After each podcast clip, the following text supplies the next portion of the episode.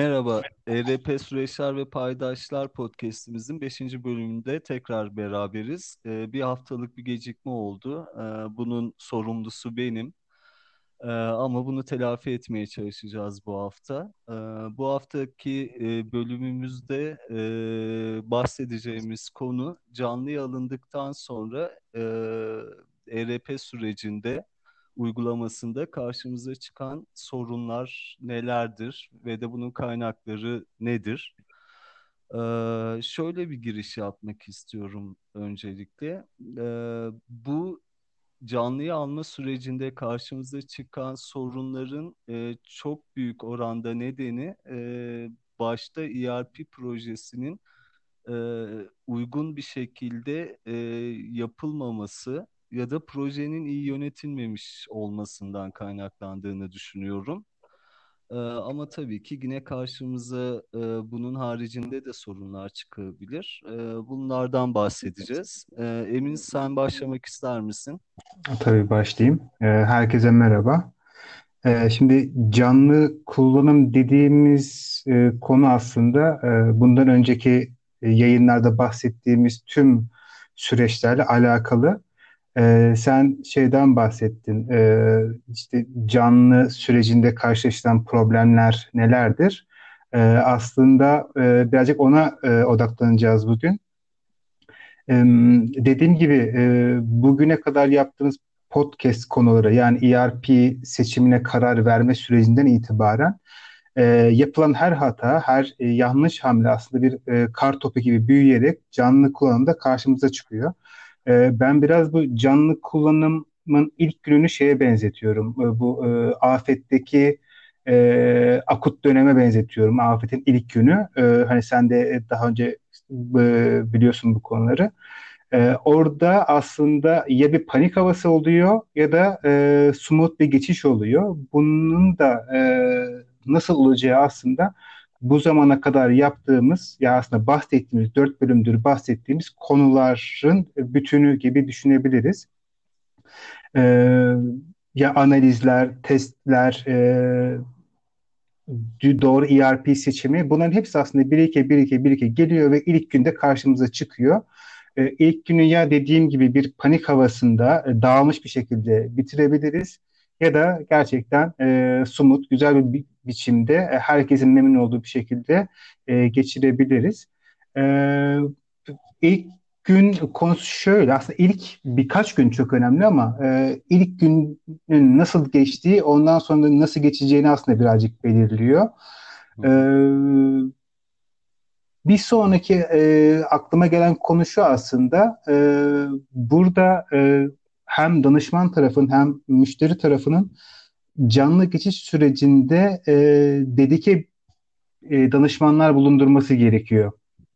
Evet. E, sistem geçişinde. E, buradaki danışmanların sahada e, birebir kullanıcılarla e, muhatap olması gerekiyor ki herhangi bir sorunda e, müdahale edilsin. Burada benim görüşüm şu, e, orta ölçekte bir kobiyi göz önüne alırsak, e, ben e, en az iki danışman olması taraftarıyım. E, bir danışmanın e, birimler arasında aslında dolaşarak, birimleri gezerek hani e, duruma herhangi bir sıkıntı olursa müdahale etmesi, diğer danışmanın da aslında birazcık daha bilgisayar başında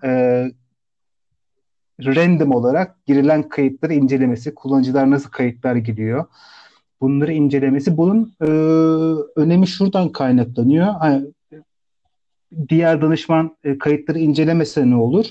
E, burada aslında kritik bir durum var bence. E, kullanıcı alışkanlıkları. Evet. Kullanıcılar bir e, şeye alıştıkları zaman onu hatalı da olsa onu devam ettirme eğilimindeler. Belki de o ikinci danışman bu tarz hataları, bu tarz e, ne bileyim hatalı girişleri belki e, zamanda fark edip müdahale ederse kullanıcı alışkanlıklarında engelleyebilir diye düşünüyorum. Bu kısım evet. ilk etapta e, bahsedebileceğim şeyler olabilir. Evet, e, yani şey dedik biz tabii bir gün, iki gün gibi rakamlardan bahsettik ama bu e, uygulanan firmanın büyüklüğüyle alakalı. E, çok büyük bir organizasyona ya da kuruma canlıya geçiş yapmışsanız tabii ki bu bir iki günle e, kalacak bir süre değil. e, belki bir hafta, iki hafta, üç hafta e, işlerin karmaşıklığına daha doğrusu e, sürecin e, komplikeliğine ve personel sayısına bağlı olarak e, canlıdaki senin dediğin akut dönem biraz uzun, canlıya geçişteki akut dönem biraz uzun sürebilir. Ee, evet, aslında özet olarak e, bizim senin dediğin gibi dört bölümde bahsettiğimiz e, süreçlerin doğru yapılmaması sonucunda e, canlıda bir takım sıkıntılar çıkabilir. E, mesela bunlardan bir tanesi e, kullanıcı eğitiminin gerektiği gibi yapılmaması. E, kullanıcılar zaten e, diken üstünde oluyor diyelim. E, bir de orada bilgi eksikliği olursa e, ya da kendini tam bu işe adamamışsa e, ilk baş çok daha ilk canlıya geçiş süreci çok daha sıkıntılı e, geçiyor. E, yani kullanıcı eğitiminde tabii ki şunu da kastediyoruz. Sen daha önce bahsetmiştin.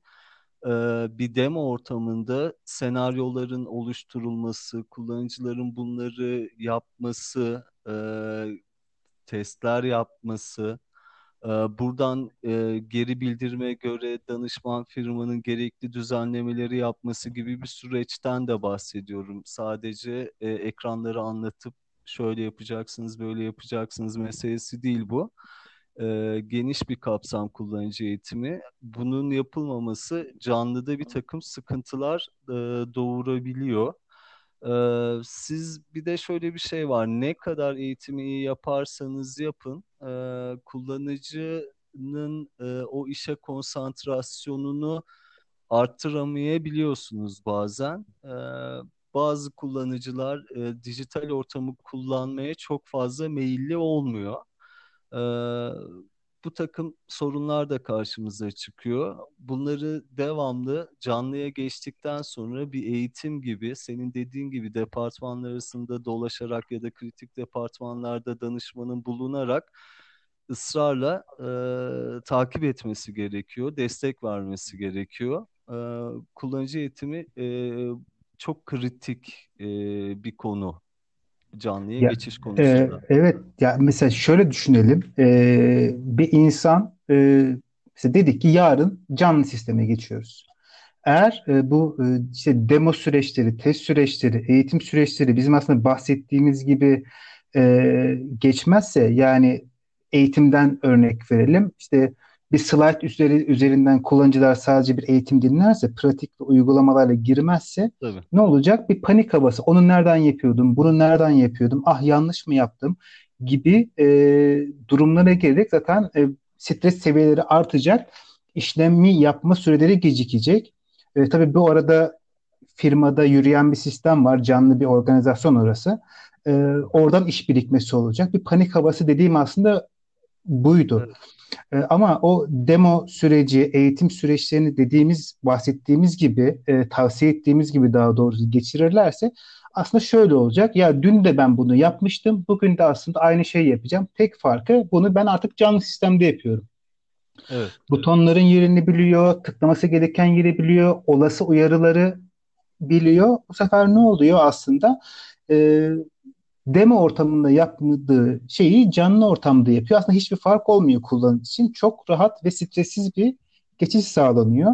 Burada tabii dediğimiz bu şeylere dikkat edilemezse panik havası da artıyor. Burada e, üst yönetimin birazcık e, serin kanlı olması gerekiyor bence e, kullanıcılara karşı. E, hani çok karşılaştığınız bir şey vardır. E, ben hep aynı örneği veriyorum Berkan. İşte tır bekliyor, irsaliye kesemedik.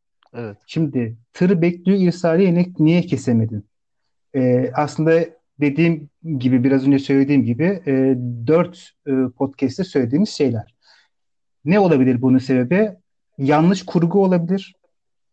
Bahsedilmemiş bir senaryo olabilir ki kurguya dahil edilmemiştir. Ya da e, test süreçleri uygulanmadığı için e, oradaki eksiklik e, fark edilmemiş olabilir. Bunlar ne oldu? Bir iki bir iki geldi canlı geçiş günü karşımıza tır kapıda bekliyor. İrsaliye kesemiyoruz olarak çıktı. Evet. Bu da e, panik havasının başlamasına neden oluyor ve kullanıcılar artık yazılımdan soğumaya e, zaten meyilliler. Yavaş yavaş ona da e, birazcık şey yapıyor, e, yön vermiş oluyor bu durum. Evet, dakika bir gol bir oluyor ve ondan sonra çözülmek için ilk kapı açılıyor. Ee, evet bu konuya dikkat etmek gerekir. burada birazcık yönetimin baskıcı değil de hadi bir an önce bitirin, işte irsaleye girin, faturayı kesinden ziyade kullanıcıları birazcık böyle tam e, tır bekleyecekse 15 dakika, 20 dakika Evet, beklesin. danışman ekip sıkıntıyı çözerken. Zaten orada e, danışmanların e, acil e, planları oluyor. Bir B planları oluyor. Ekran tamamen kullanılamaz haldeyse ne yapacağız gibi. E, e, 15 dakika içinde çözülemiyorsa zaten e, danışman orada müdahale edip alternatif yönteme geçebilir. Ama o süre boyunca en azından danışman durumu çözene kadar e, birazcık kullanıcılara anlayış gösterilmesi gerekiyor. O panik havasının daha fazla büyümemesi için ve kullanıcıların sistemden e, soğumaya başlamamaları için. Çünkü o ilk günler çok önemli. Kullanıcıların e, zaten yeni geçtikleri bir sisteme e, bir ön yargıları oluyor. Hele ki demo süreçlerine ve eğitim süreçleri verimli geçmediği için. E, burada birazcık kullanıcılara e, rahatlatıcı, hani baskı oluşturmayacak şekilde davranılması da fayda görüyorum ben açıkçası. Evet, e, şunu ben de fark ettim. E, daha önceki implementasyonlarımızda kullanıcıların eğitime çok fazla talebi olmuyor. Yani sanki onlar e, kullanacak e, gibi değil de bizim zorlamalarımızla eğitime alıyoruz. E, bir şekilde bir kaçış oluyor e, kullanıcılarda eğitime dair. Eğitim konusu çok önemli. Sonuçta e, veri girilmezse, o kullanıcılar işlerini düzgün yapmazsa e, ERP'nin hiçbir anlamı kalmıyor. E, eğitim konusunu e, böyle geçebiliriz diyorum. Bir de sen de bahsettin üst yönetimin baskısı çok baskısı olmamalı. E, zaten ilk e, şeyde etapta herkesin üstünde yeterince baskı oluyor. Bir de üst yönetim e, baskı yaparsa bu sıkıntı yaratabiliyor. Aynı şey e, bir de işin ters tarafından bakarsak e, kurgu yapıldığında tüm e, şirket mensuplarının firma ya da kurum, organizasyon mensuplarının kullanılması üzerine kurgu yapılıyor. Buna en üst tepedeki yönetici de dahil. E, ee, Burada üst yönetimin de ERP'yi kullanmak için özellikle ilk aşamada özen göstermesi gerekir. Çünkü onların e, olmadığı bir süreç, ERP'yi kullanmadıkları bir süreç eksik kalıyor. Onay mekanizmasında ya da belki daha komplike mekanizmalarda illaki yöneticiler e, ERP'nin bir yerinde var oluyorlar. O yüzden işim yoğundu ya da işte bununla uğraşacağım mı gibi sorunlarla e, karşımıza gelinmemesi lazım. E, çünkü üst yönetici de aslında ERP'nin bir kullanıcısı. Veri girmese de kullanıcısı, e, onay mekanizmasında da olabilir, kontrol mekanizmasında olabilir e, ama illaki bir kullanıcı. Yani şöyle düşünelim. Ee, üst yönetim bir yazılım alıyor. Senden oraya veri girmeni istiyor ve hiç ilgilenmiyor o yazılımla. Evet, Şimdi sen de diyorsun ki ya biz buraya bir şeyler giriyoruz ama adamların umurunda bile değil. Bir kere evet, açıp girmemişler, bakmamışlar. E bu ne oluyor? Yazılımı aslında bir önemsiz bir e, kullanıcı gözünde yere sokuyor. Ha, hep bahsettiğim şeydir. İşte bize gir dediler, giriyoruz. evet, Ama e, diğer taraftan işte üst yönetim işte onay süreçlerine dahil olsa, işte raporları kontrol etse ve bunları yaptığını kullanıcılarla pay- paylaşsa kullanıcı diyecek ki ha, benim aslında girdiğim her kayıt çok önemli. Ee, benim buraya girdiğim kayıtların düzgün ve doğru olması gerekiyor. Ben buraya e, e, özenmeden kayıt girmemeliyim gibi o algıyı da oluşturuyor aslında. Diğer türlü biz de çok karşılaştık biliyorsun. Soruyoruz kullanıcılara nasıl gidiyor diye. E, bize buraya kayıt gir dediler. evet, Giriyoruz mantığı oluşuyor. Yani herkesin dediğin gibi bu süreçte e, sisteme girip sistemi kullanması e, en başta kurguyu yaparken nasıl konuşulduysa üst yönetim e, biliyorsun genelde uymuyor böyle şeylere. E, ilk sisteme dönen delen kişiler onlar oluyor. Sonra delik deşik oluyor zaten. E, böyle durumlar yaşandığı sürece kullanıcılar ne sisteme motive bir şekilde dahil oluyor ne de oradaki girilen verilerin kalitesinden e, emin olabiliyoruz Evet, aslında. evet sistemi de tıkayabiliyorlar üstüne üstlük. Ee, bu konuda çok haklısın. Ee, bizim başımıza çok fazla gelmedi ee, üst yönetimin dahil olmadığı süreçler ama e, ufak tefek olsa da öyle örnekler gördük. Ee, buradan e, üst yönetimi de dahil etmişken e, bir sorunla daha karşılaştığımız bir durum var. E, kurgunun tam olarak uygulanmaması. E, bir implementasyon süreci geçiyor. Bu süreçte e, herkes e, bir emek koyuyor ortaya. E, mali sonuçları da oluyor. E, herkes elinden geleni yapıyor. Bir kurgu çıkarılıyor. Bu ERP'ye aktarılıyor. Canlıya geçiliyor ama sonra bakıyorsunuz bu kurgu kullanılmıyor. Daha önceki podcast'imizde de bahsetmiştik. Bizi çok e, şaşırtan e, bir durum vardı. İki departman arasındaki iletişimi bir türlü kuramadık. Yani bunu anlattık, anlattık, sorun çıkacağını söyledik, sorun da çıktı ama ona rağmen uygulatamadık. Ee, ne olursa olsun, ya o zaman bizim implementasyon sürecinde sadece bizim değil, firma çalışanlarının da harcadığı mesaiye çok yazık oluyor. Bu kurguyu uygulamadıktan sonra canlıya geçmenin anlamı ne? Kurgunun kontrol edilerek tam anlamıyla uygulanması gerekir. Tabii şöyle bir şey de olabilir. Kurguda hatalar da olabilir. E, her iki tarafta da hatalar olabilir. Ya e, aktarılırken eksik aktarılmış olabilir. Ya da danışman firma e, personeli ERP'ye implemente ederken yanlış şeyler yapmış olabilir. Bu, bu çok problem bir şey değil. Bu fark edildikten sonra düz, tabii ki hani işin kompleksliğine göre şey olabilir, önemli bir sorun da olabilir ama her iki tarafın bu hatayı fark ettikten sonra düzeltmesi için bir adım atabilir. Ne kurgunun tam olarak e, bilinçli bir şekilde uygulanmaması kadar facia bir şey değil ama kurguda da hatalar olabilir ve bununla istinaden de canlı sürecinde e, karşımıza sıkıntılar çıkabilir. E, bu yine nispeten düzeltilebilir ya da hani ilerisi için çok fazla problem olmayacak konulardan biri bence. Burada şey konusunda güzel değindin. Hani kurgunun uygulanmamasının sebebini hani yanlış analiz mi yoksa işte e, bilinçli yapılan bir şey mi de daha fena gibi.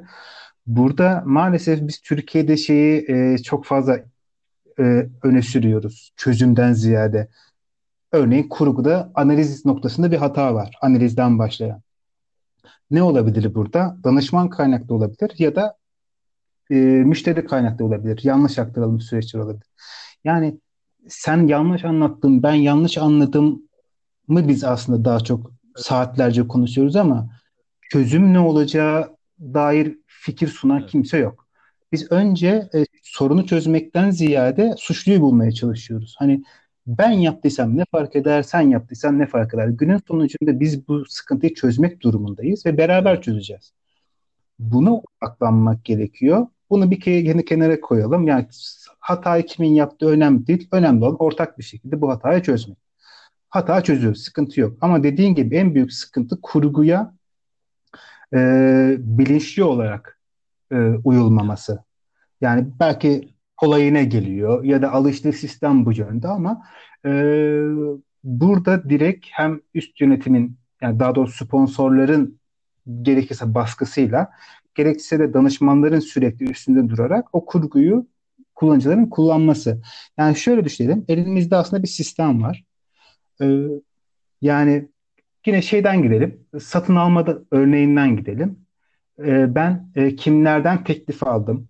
Bu teklifler sonucunda e, kime sipariş geçtim? Kim hangi tedarikçiye sipariş geçtim? Ve bu siparişe bağlı e, irsaliye ne zaman geldi? Bu ürün benim depoma ne zaman girdi ve faturası ne zaman geldi? Bunların hepsi birbirine bağlı değil mi? Yani ben istersem e, sistemin içine girip e, bunların izini takip edebiliyorum.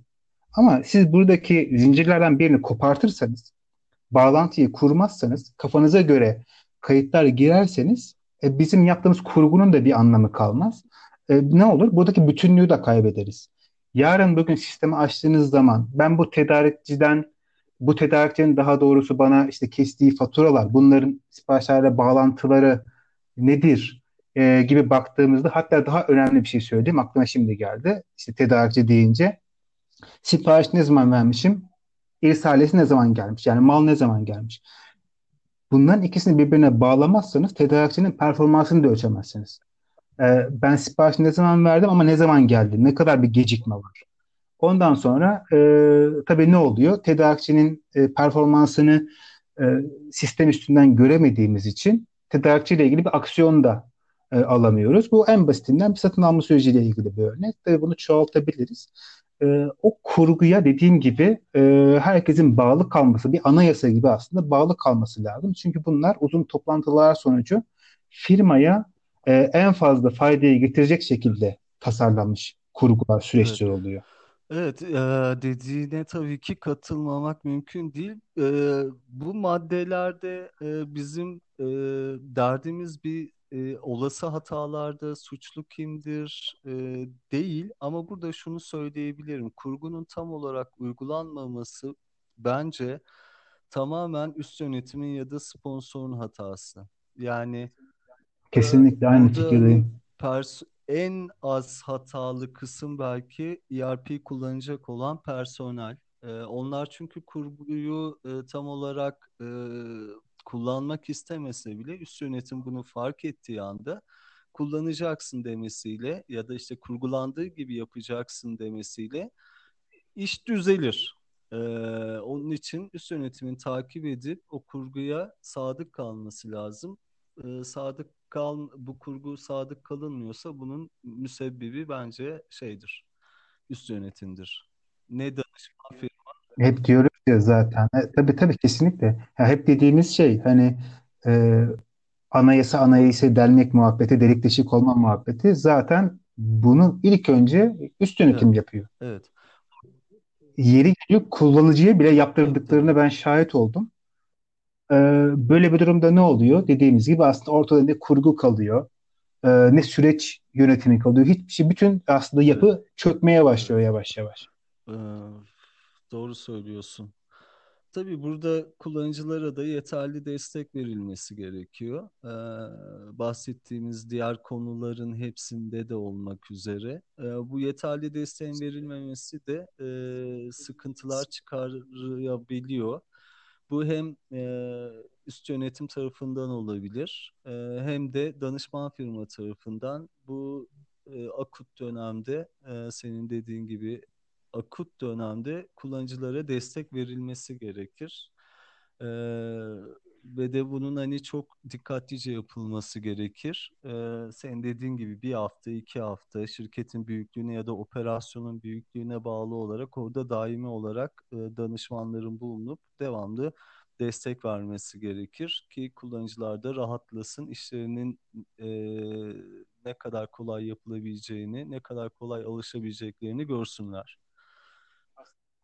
Aslında burada danışmanların bulunmasının sebebi şu, e, ilk gün çok acil durumlar olursa daha hızlı çözmek adına.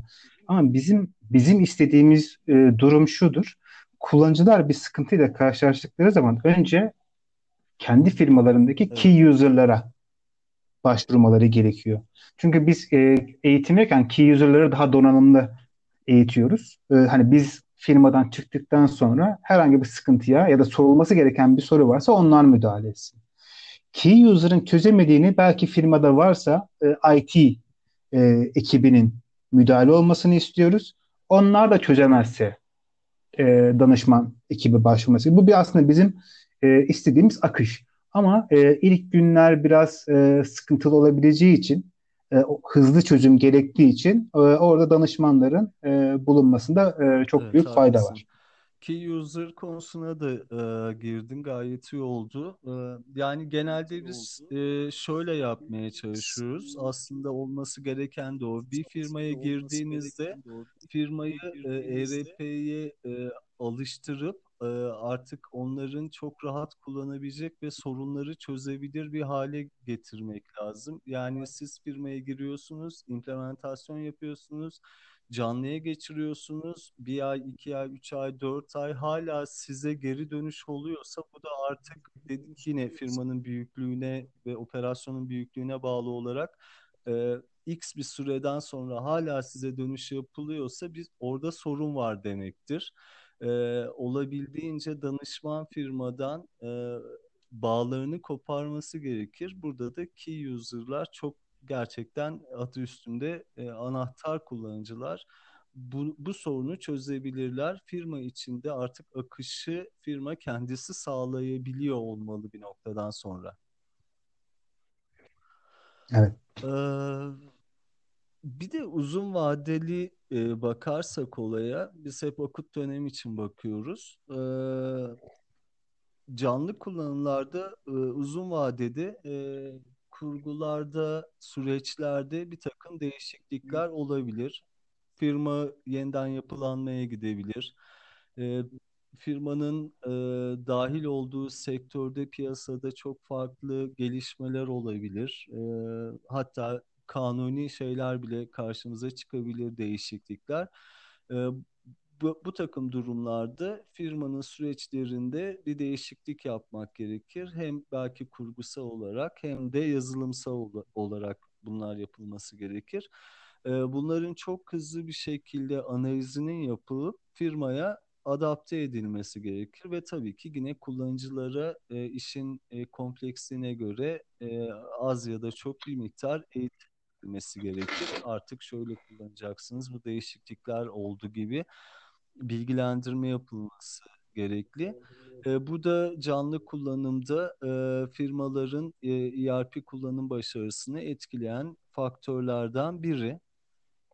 E, bahsettiğimiz gibi e, insan kaynakları modülünde ya da muhasebede kanunlar e, değişebiliyor. Bunu gerektiğinde firmayı uyarmak lazım. Bazen öyle durumlarda karşımıza çıkabiliyor ya da emin olmak istiyoruz. Çünkü bir şekilde canlıya kullanıma geçtikten sonra sorumluluğu alsalar da biz yine sorumlu hissediyoruz. Bakın artık şu şekilde işlerinizi yapacaksınız. Kanunen bunları siz raporlamanız gerekir ya da bunlardan artık sorumlusunuz. Şunda, şu konularda şöyle değişiklik oldu gibi uyarı da yapılması gerekir.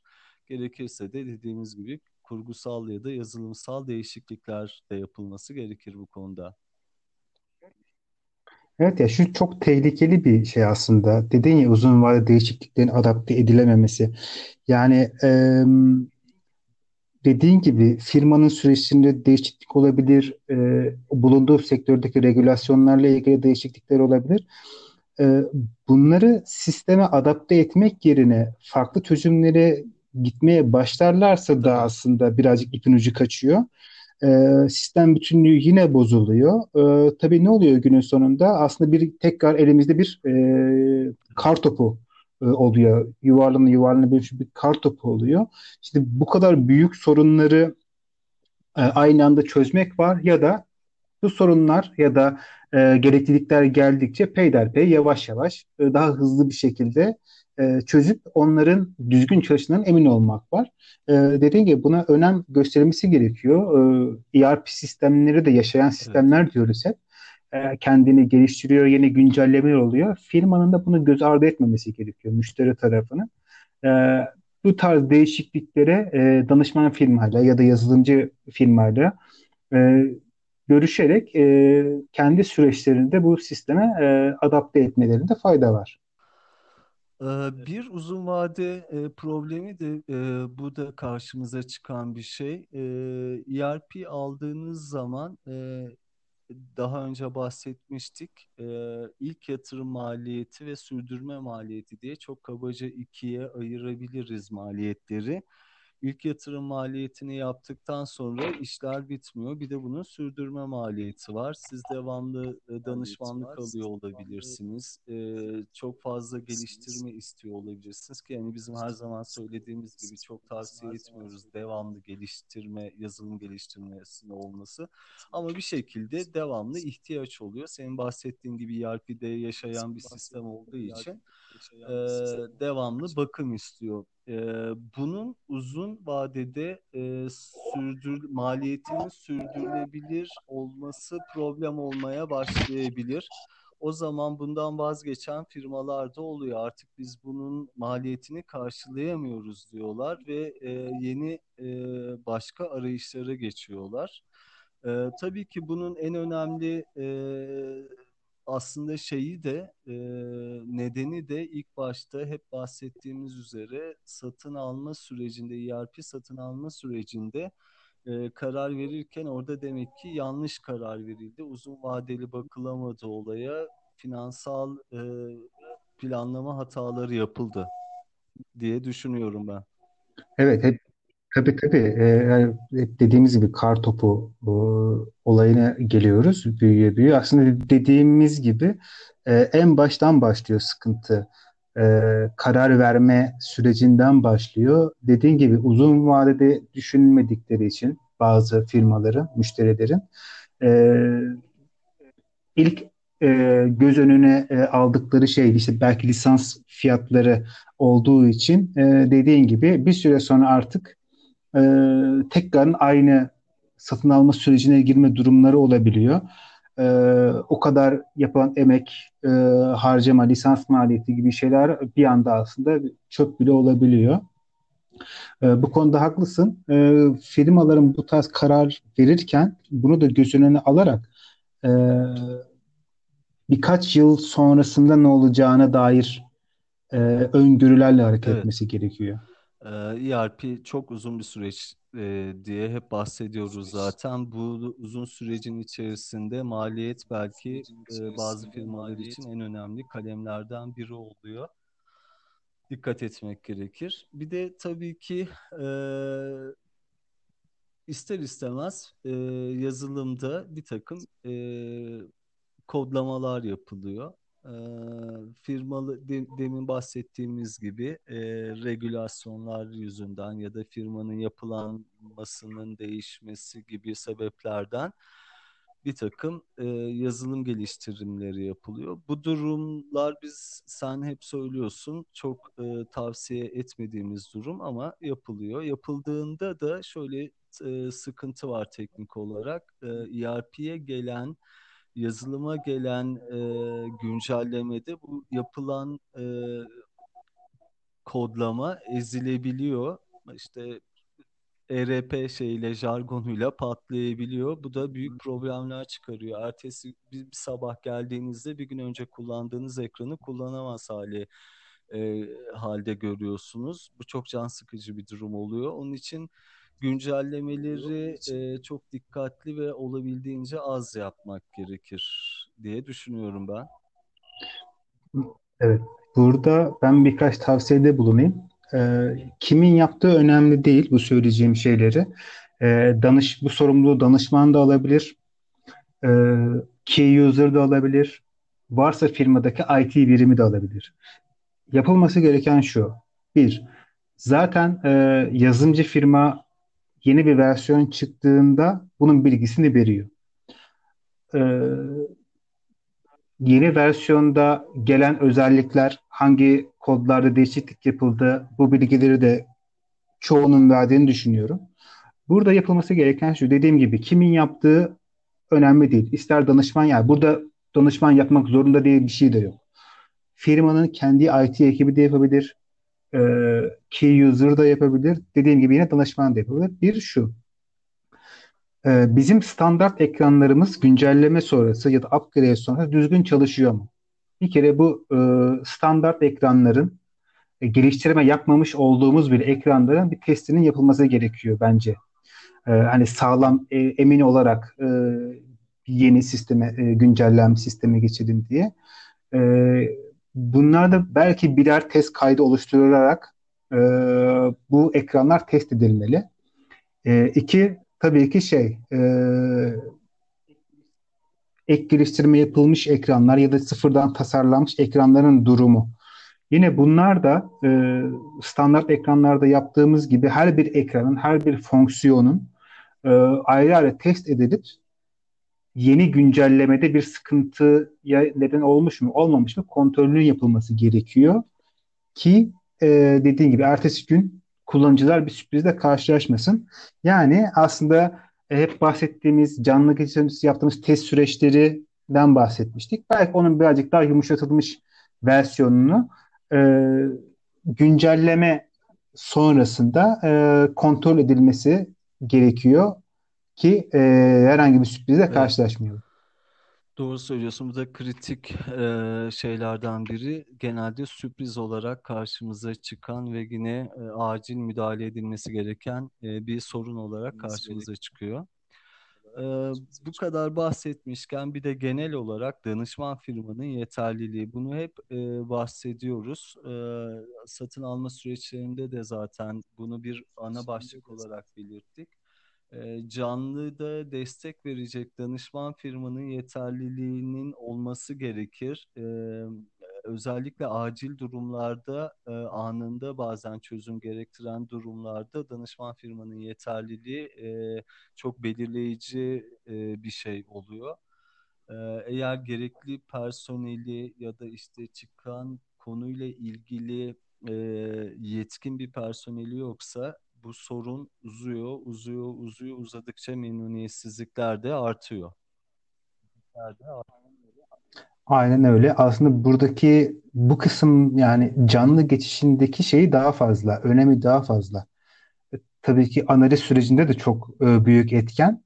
E, ama canlı geçişindeki o akut dönemdeki e, danışman firmanın yeterliliği kısmı belki daha önemli e, analiz sürecinden. Çünkü dediğin gibi e, ortada bir sıkıntı var ve ona çözüm bulmak gerekiyor. Bunu hemen pratik bir şekilde de çözebilirsiniz ya da bunun günlerce uzadığı ile de karşılaşabilirsiniz.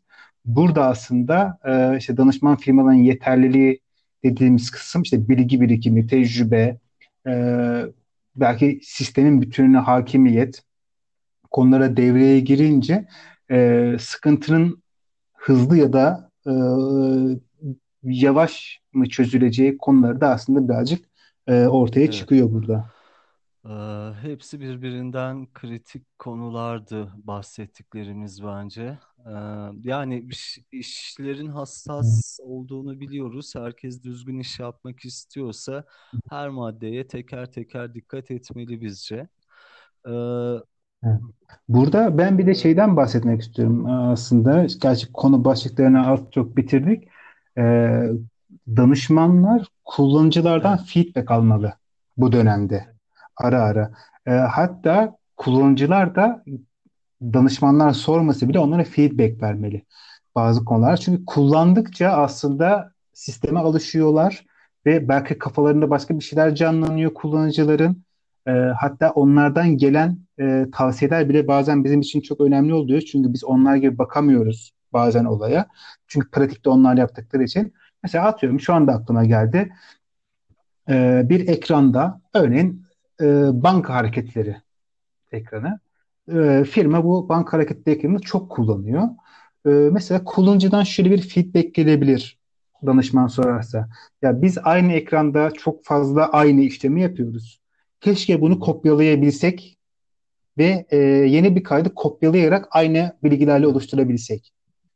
Mesela bu kullanıcıdan gelen bir feedback. Belki e, danışman şöyle düşünecek. Gerçi bunlar analizlerde çıkar aslında ne kadar yoğunlukta kullanıldığı ekranların ama belki danışman diyecek ki böyle bir durumda ya bizim kopyalama gibi bir fonksiyonumuz, bir özelliğimiz var. Onu devreye alabiliriz sizin için.